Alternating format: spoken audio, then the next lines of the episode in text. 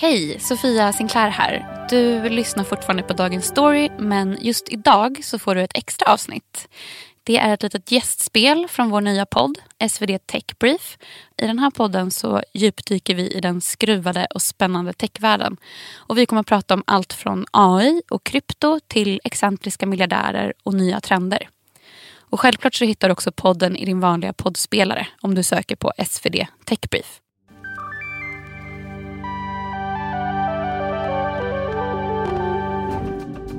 Björn, eh, vilken är din favorit i Kalankas julafton?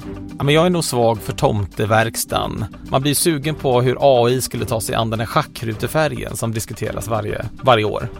en sån där färg borde man ha. Exakt, den, den kommentaren måste läggas varje år. Vilken, vilken del gillar du bäst? Ja, men mitt favoritcitat tror jag är Vem är det som kör egentligen? När de är ute med husvagnen. För det går att applicera på så många situationer i livet. Inte minst om vi pratar tech-året 2023 så när det var det värsta kaoset i OpenAI, då var det ju det, det var ju den centrala frågan. Vem är det som kör egentligen? Det kan man då summera även med andra stora händelser som Silicon Valley Bank eller FTX-rättegången eller Twitter och X och ja, vem är det som kör egentligen är en bra, bra årssammanfattning överlag. Men just idag så tänkte vi kanske prata lite mer framåt istället. Vad, vad har vi på agendan Henning? Ja, men vi kommer ju blicka framåt mot 2024 och zooma in på två personer i techvärlden som ni verkligen borde hålla koll på och prata lite om varför. Du lyssnar på Tech Brief, en podd från Svenska Dagbladet. Jag heter Björn Jeffrey och är techanalytiker. Och jag heter Henning Eklund och är techreporter. I veckans specialavsnitt pratar vi om kvinnan som är Amazons värsta mardröm, mannen som vill förvandla oljeparadiset till ett spelmecka och vi lyfter årets mest bortglömda technyhet.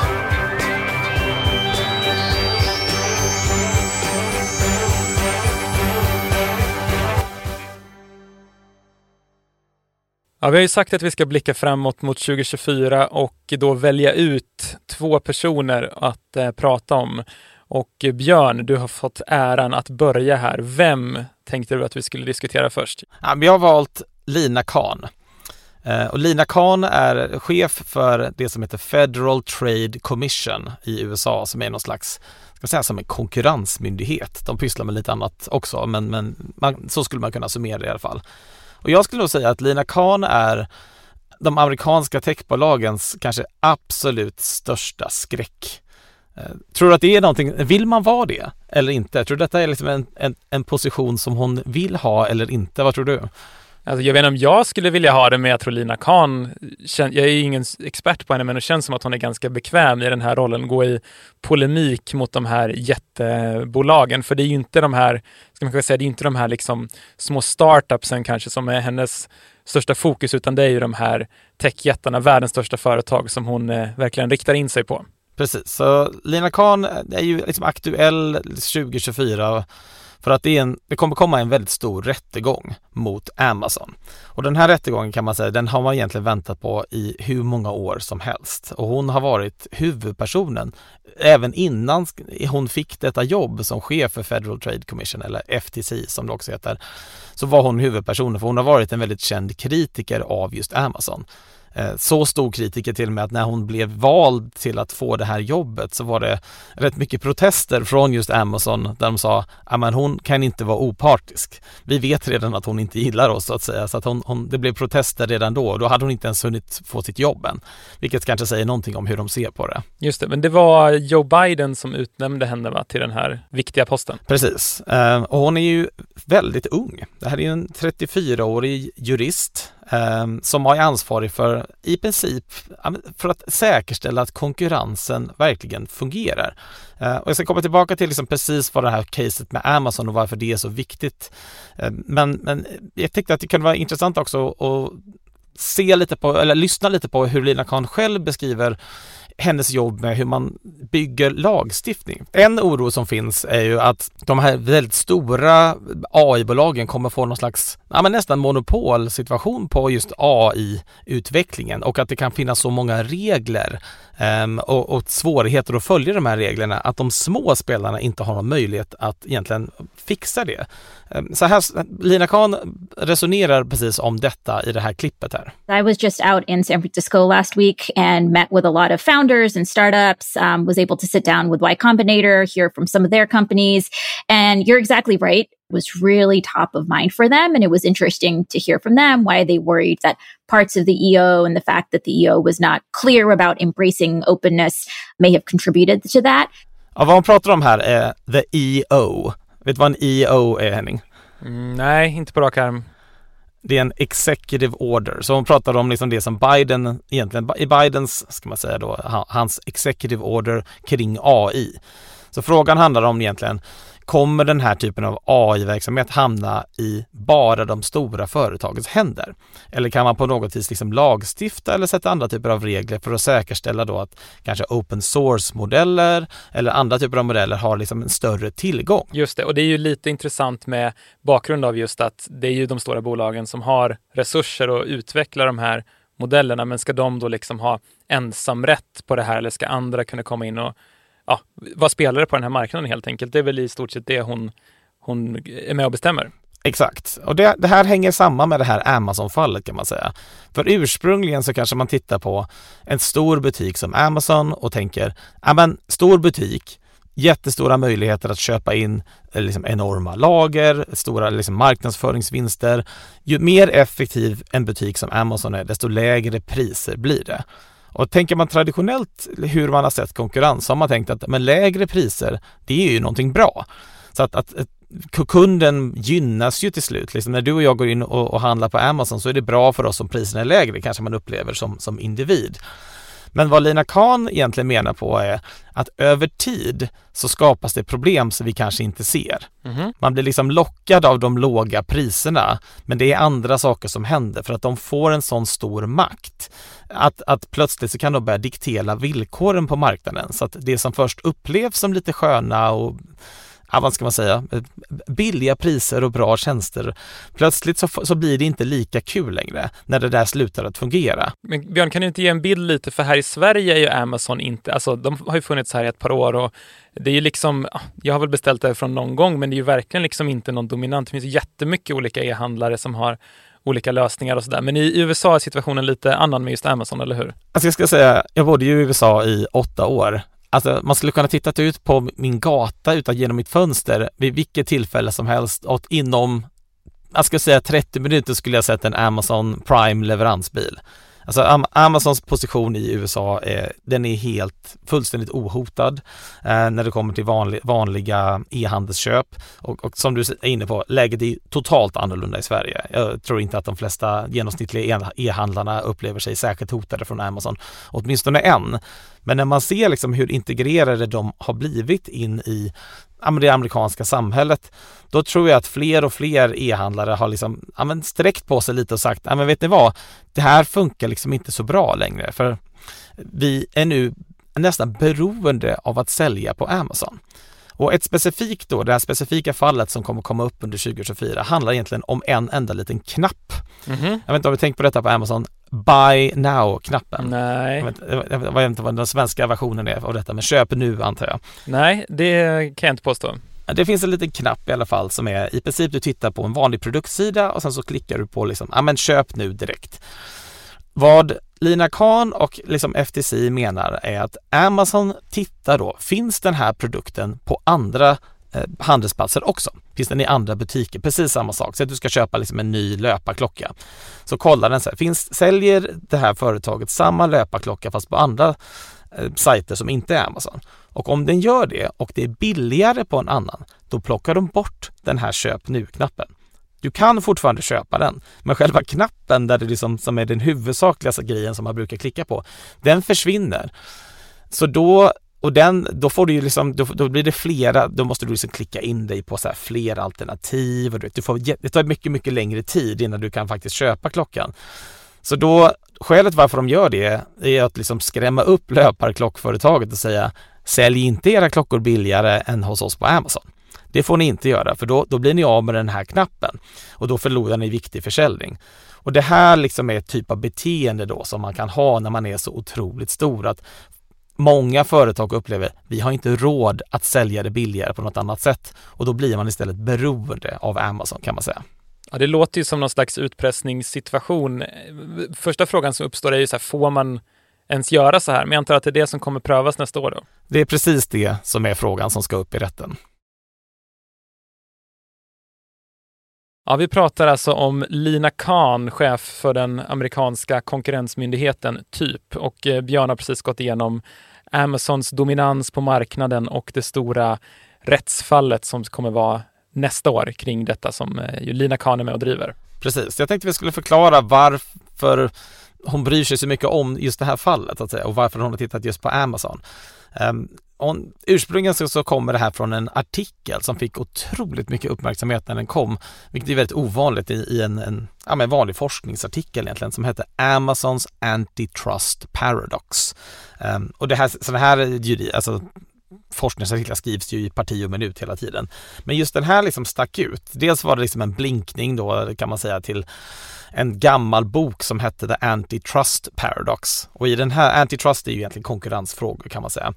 Um, och i den boken så stod det i princip, ja ah, men det spelar ingen roll om man har konkurrens på marknaden så länge priserna inte går upp för konsumenterna. Att det är det viktigaste, det, det är så egentligen som man definierar, har vi ett problem med konkurrens? Om, om priserna går uppåt och allting blir skitdyrt, då kan man säga ja, då har vi ett problem. Om priserna går neråt, då har vi inte ett problem. Men vad Lina Kahn gjorde i den här artikeln var i princip att ifrågasätta hela den och säga, ja men den typen av definition av vad som är konkurrensbrott och inte, den funkar liksom inte i en digital tid.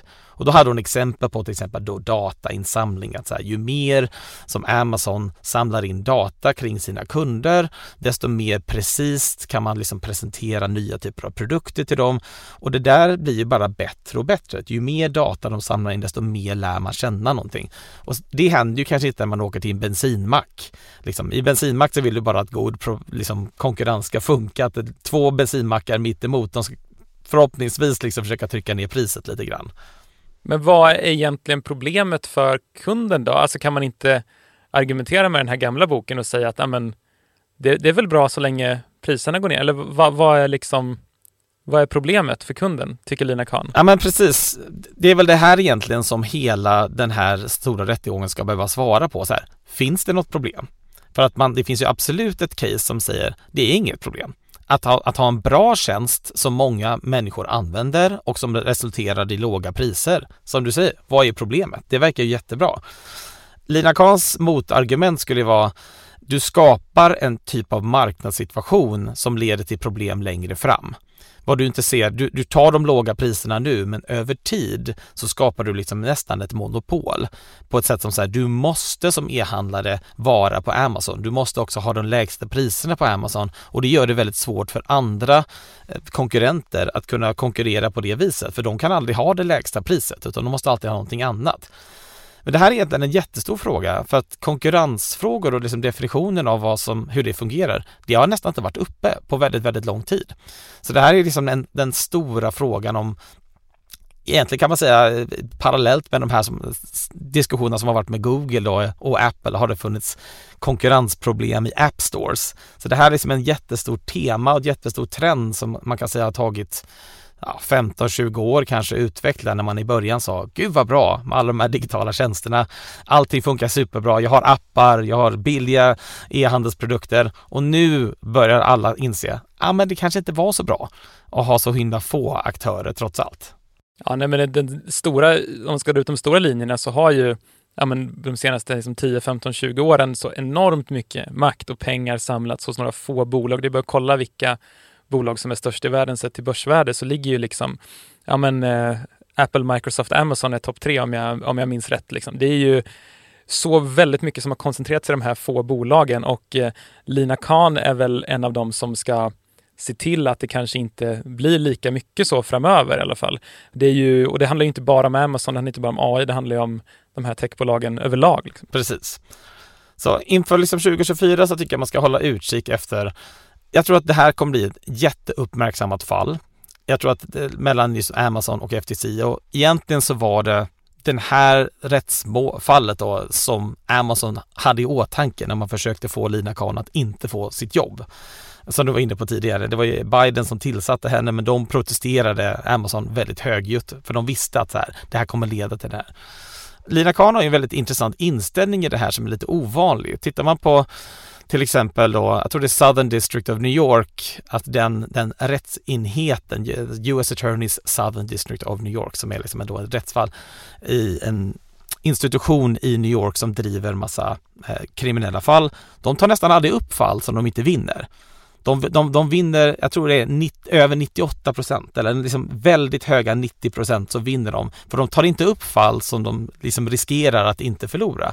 Men där är Lina Kahn helt annorlunda. Dels är ju det här hennes liksom expertisområde så att hon är så superintresserad av att få fram ett svar. Men hon har också sagt att så här, jag kan tänka mig att driva fall som jag förlorar bara för att se liksom hur det här faktiskt kommer gå. Och ett exempel på det är ju den här Microsoft och Activision Blizzard-affären, för där var ju Lina Kahn inne också. Den här har ju du bra koll på, den, den affären. Just det, Microsoft ville köpa världens största spel, dataspelsföretag. Eh, det blev massa tjafs med olika konkurrensmyndigheter i USA och EU och Storbritannien. Men i slutändan så fick de ju rätt, Microsoft. Eh, så, så det, det köpet kommer bli av. Det kommer bli av fast med vissa liksom inskränkningar och saker. Men det där var också typiskt exempel på Salina Khan som, som, som protesterade, jobbade emot men liksom till slut kan man säga, förlorade ändå, utan affären fick gå igenom. Men fick ändå liksom, sätter ju liksom lite skräck tror jag i de här techföretagen att hon jobbar på ett annat sätt än vad hennes företrädare har gjort. Så inför 2024, håll koll på jätterättegången mellan Amazon och FTC.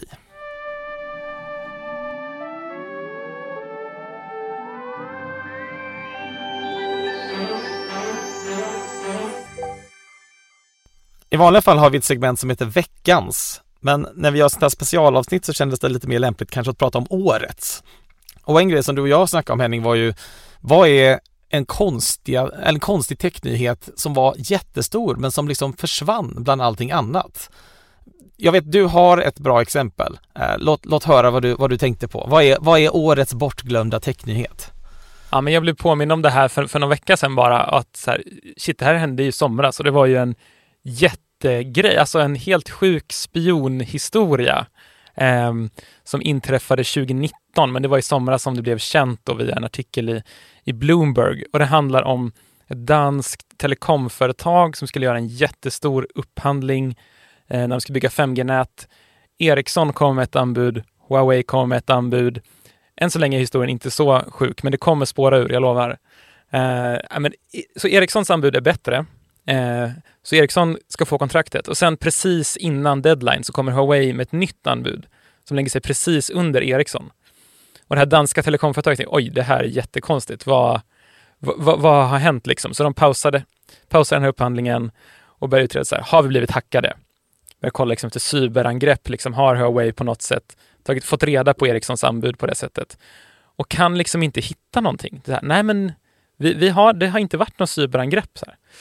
Okej, okay, så börjar säkerhetsfirman utreda lite mer och sen börjar de hitta så konstiga saker.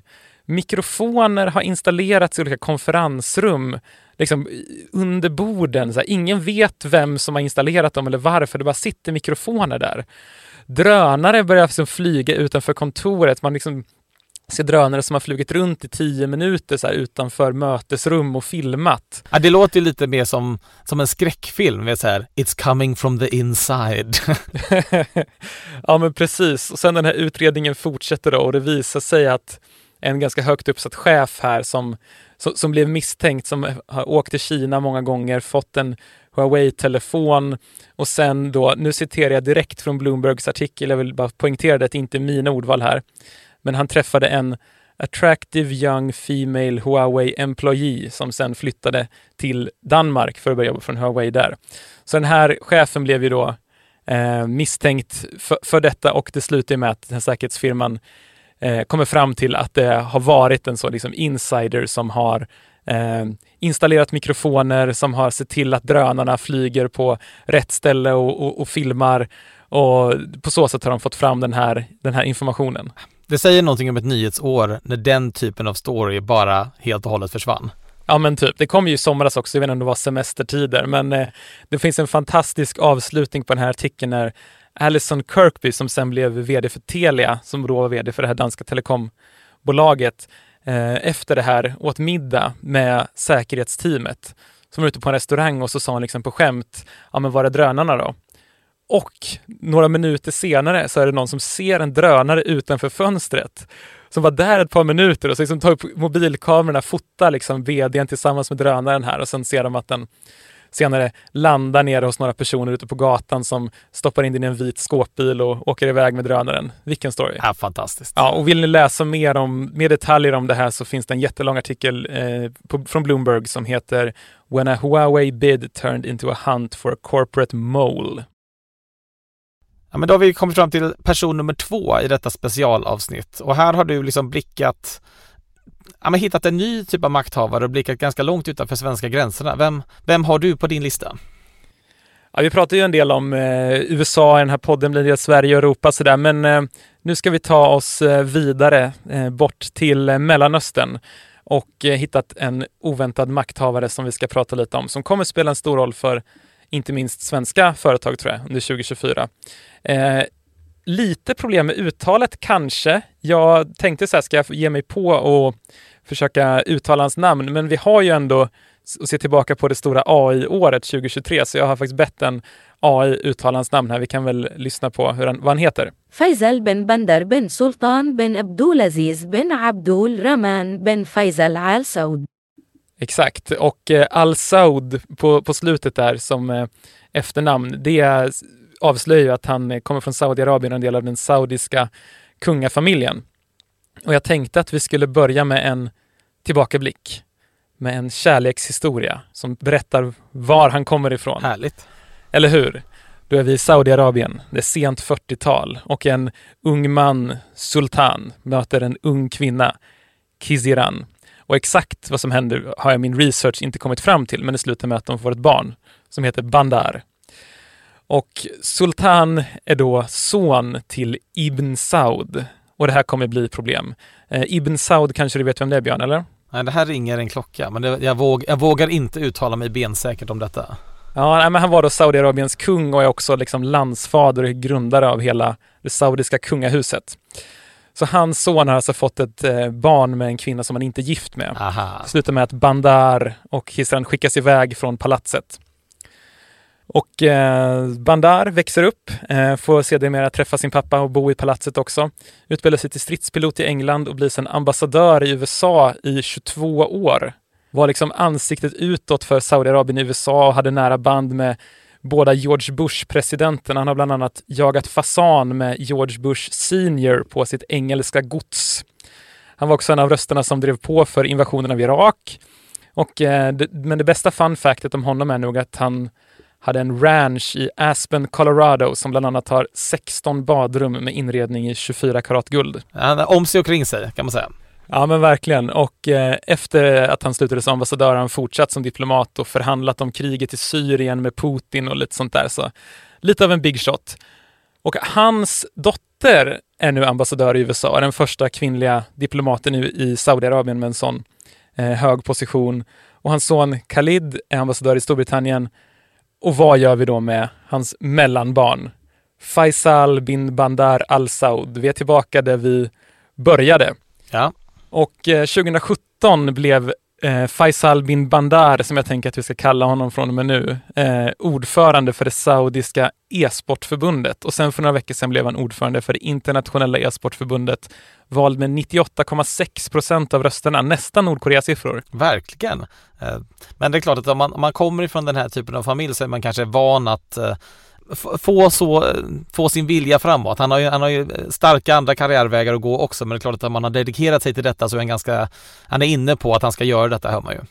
Eller hur? Och eh, det är nu vi kommer in till, till techvärlden, för det här är ju världens största, en av världens största underhållningsindustrier, gaming och e-sport, som är jättestor internationellt och inte minst i Sverige har vi ju väldigt många framstående bolag inom detta. Men det pågår ett saudiskt maktövertagande lite i det tysta. Eh, vi ska prata mer om exakt vad det består i, men vi kan väl börja med att lyssna på vad Faisal bin Bandar själv säger om eh, varför man satsar så mycket på det här. Now you ask why. We have a population that's interested. We have a community that's strong, that is passionate. We have a government that is willing to back and take a bet on this. And we have the economy that wants to diversify into this as an industry. And so all of these things come together to create a perfect storm. Ja, men det är en perfect storm som man säger, där Saudiarabien har typ hur mycket pengar som helst via sin oljeindustri. Om inte så många år kommer de inte ha så himla mycket pengar från sin oljeindustri om nu omställningen av, av världen går som, eh, som man tror. Så vad gör man då? Jo, men man investerar i vad man tror är framtiden och eh, i det här fallet så är det ju gaming och e-sport. Till exempel har Mohammed bin Salman som är kronprins lagt fram en nationell gaming och e-sportstrategi. Du som kan eh, e-sportsmarknaden bra, var det liksom en självklarhet att man skulle satsa just på e-sport liksom i sig? Förklara lite varför de, du tror att de valde just det här området. Eh, nej, det är absolut inte självklart. Det är ju liksom en del av den, den, gamingindustrin är jättestor. Sen hur mycket pengar som faktiskt finns i e-sporten, ja men inte alls lika mycket. Många spelföretag ser det snarare som ett sätt att liksom marknadsföra sina egna spel och liksom tjäna en massa pengar på det. Det är, ja, det är många bolag som försöker men ganska få som lyckas. Eh, så jag tror att i Saudis fall så handlar det både om rent ekonomiska men också om imagen utåt och verka liksom moderna, locka hit folk till deras stora event. Nästa sommar så kommer de att ha VM, inom citationstecken säger jag nu för det är inte så superofficiellt, men de kommer ha VM-turnering på plats i Riyadh och så vidare. Men de, de, har även gjort rätt stora investeringar i vanliga spel också, i spelverksamhet, åtminstone på, på sistone. Ja men verkligen och eh, det har ju skett ganska mycket och det är mycket i Sverige också. För det är ju verkligen inte bara snack utan också en hel del verkstad. Eh, och de har planer på investeringar om cirka 40 miljarder dollar för att ta över den här industrin, säger de själva. Eh, och då vänder man ju sig såklart till var det finns framgångsrika spelföretag som behöver pengar. Jo, men i Sverige. Eh, och det första stora köpet som de gjorde blev att köpa DreamHack, kända av många som gillar e-sport och dataspel eh, och ESL som en tysk eh, motsvarighet ungefär som har slagits ihop till ett bolag och då ägdes av MTG som de köpte för nästan 10 miljarder kronor. Och jag pratade med MTGs vd efteråt, hon var supernöjd. Aktien rusade 44 procent. Det är ju härligt med saudiska pengar, eller hur? Ja, det verkar det vara, men, men kanske inte alltid för alla, för det har varit lite svårt ibland för folk som har tagit in saudiska pengar att förklara varför man valde just dem, eller hur? Ja, verkligen. En som har haft lite problem med det är Lars Wingefors. Eh, han är VD för Embracer. Om ni hänger med i spelvärlden så kanske ni har talas om dem, men om inte så är det en, Eh, ett Karlstad-baserat företag som blivit en liksom jättestor spelare på den internationella dataspelsmarknaden och eh, behövde pengar. Vem eh, kommer då som eh, liksom räddaren i nöden om inte Saudiarabien som betalar 10 miljarder kronor ungefär för 8,1 procent av aktierna.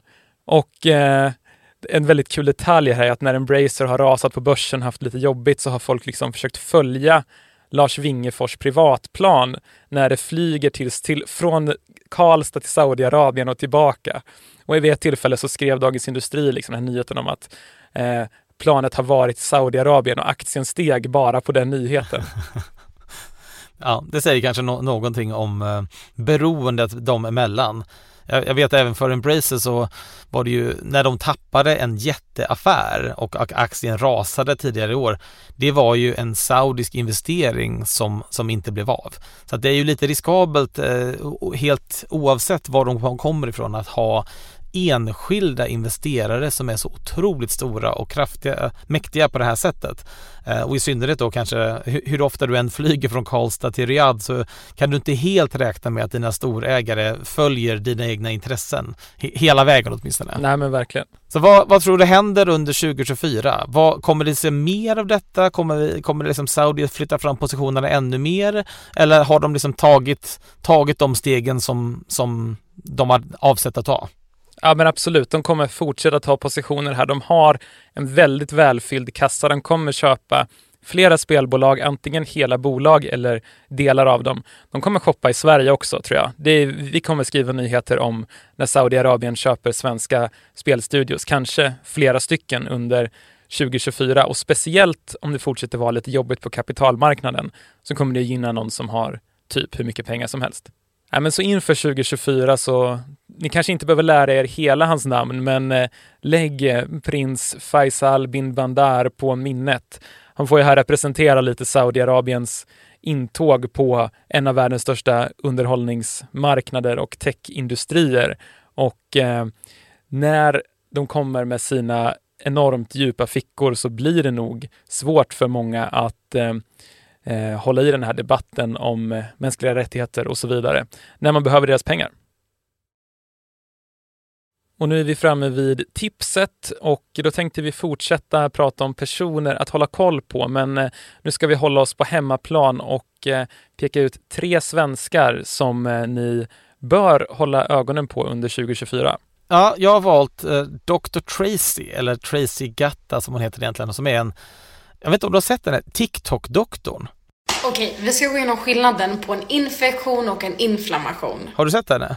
Alltså jag är så lite på TikTok eh, och bara ordet TikTok-doktor tycker jag går inte riktigt ihop för mig. Men... Eh... Ja, jag, förstår, jag förstår vad du menar, men det här är alltså en 28-årig ST-läkare som verkar liksom fylla funktionen liksom 1177 fast för liksom TikTok-generationen som, som tar upp liksom massa olika typer av ja, men bekymmer, problem man kan ha, hur man ska tänka och liksom göra en riktig, tycker jag, samhällsbildande insats eh, i, i, en kanal där det är ja, fullt av en massa trams och, och andra saker men som verkligen försöker bidra liksom, med faktabaserade grejer om hur man ska tänka. Väldigt intressant person. Jag tror att vi kommer se mycket, mycket mer av henne under 2024. Så att eh, det är Dr. Tracy. Håll koll på henne. Mm. Jag hoppar vidare då till eh, en person och ett bolag som jag, som jag verkligen gillar. För det har varit det stora AI-året här och så ska man hitta liksom kul, smarta grejer som folk har gjort med AI. Um, ehm, och då prat, vill jag prata om Sandra Kinmark som har varit med och grundat uh, och leder bolaget No Ordinary Scent. Uh, scent som är doft då, inte som i myntet. Mm. Är det doft, doft-tech, är det en grej? Det är doft-tech är en grej. Um, äh, men eh, det handlar alltså om att göra parfym utifrån instruktioner i text och bild.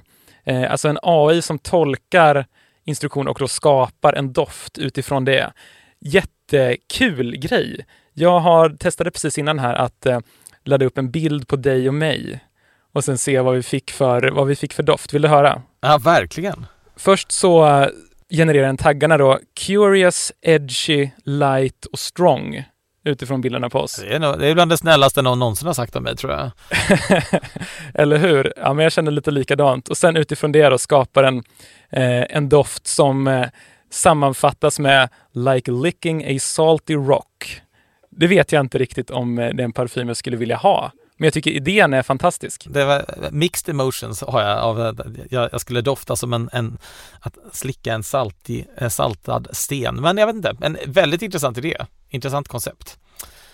Ja, jag tänker att jag avslutar då med den sista personen och det har ett lite av ett speltema, hänger ihop med det som du pratade om tidigare Henning. Mm. Patrik Söderlund, um, en av spel-Sveriges absolut största, mest kända personer som var, tidigare var spelchef på EA under många år. och Numera är vd på bolag som heter Embark. Och Embark har ju varit liksom ett lite av ett mystiskt spelföretag under ganska många år. De har hållit på med att liksom bygga en egen spelmotor för att specialteknik för att kunna bygga en viss typ av spel. Men nu har de precis väldigt nyligen släppt ett eh, spel som heter The Finals som har, håller på att gå väldigt bra.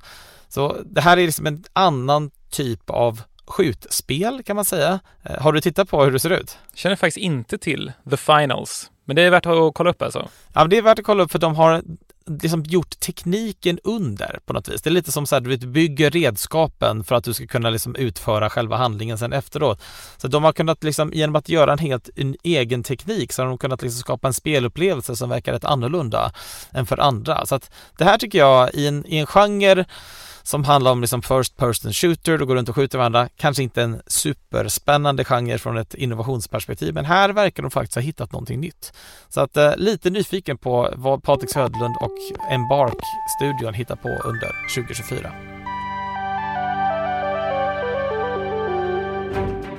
Du har lyssnat på Tech Brief från Svenska Dagbladet.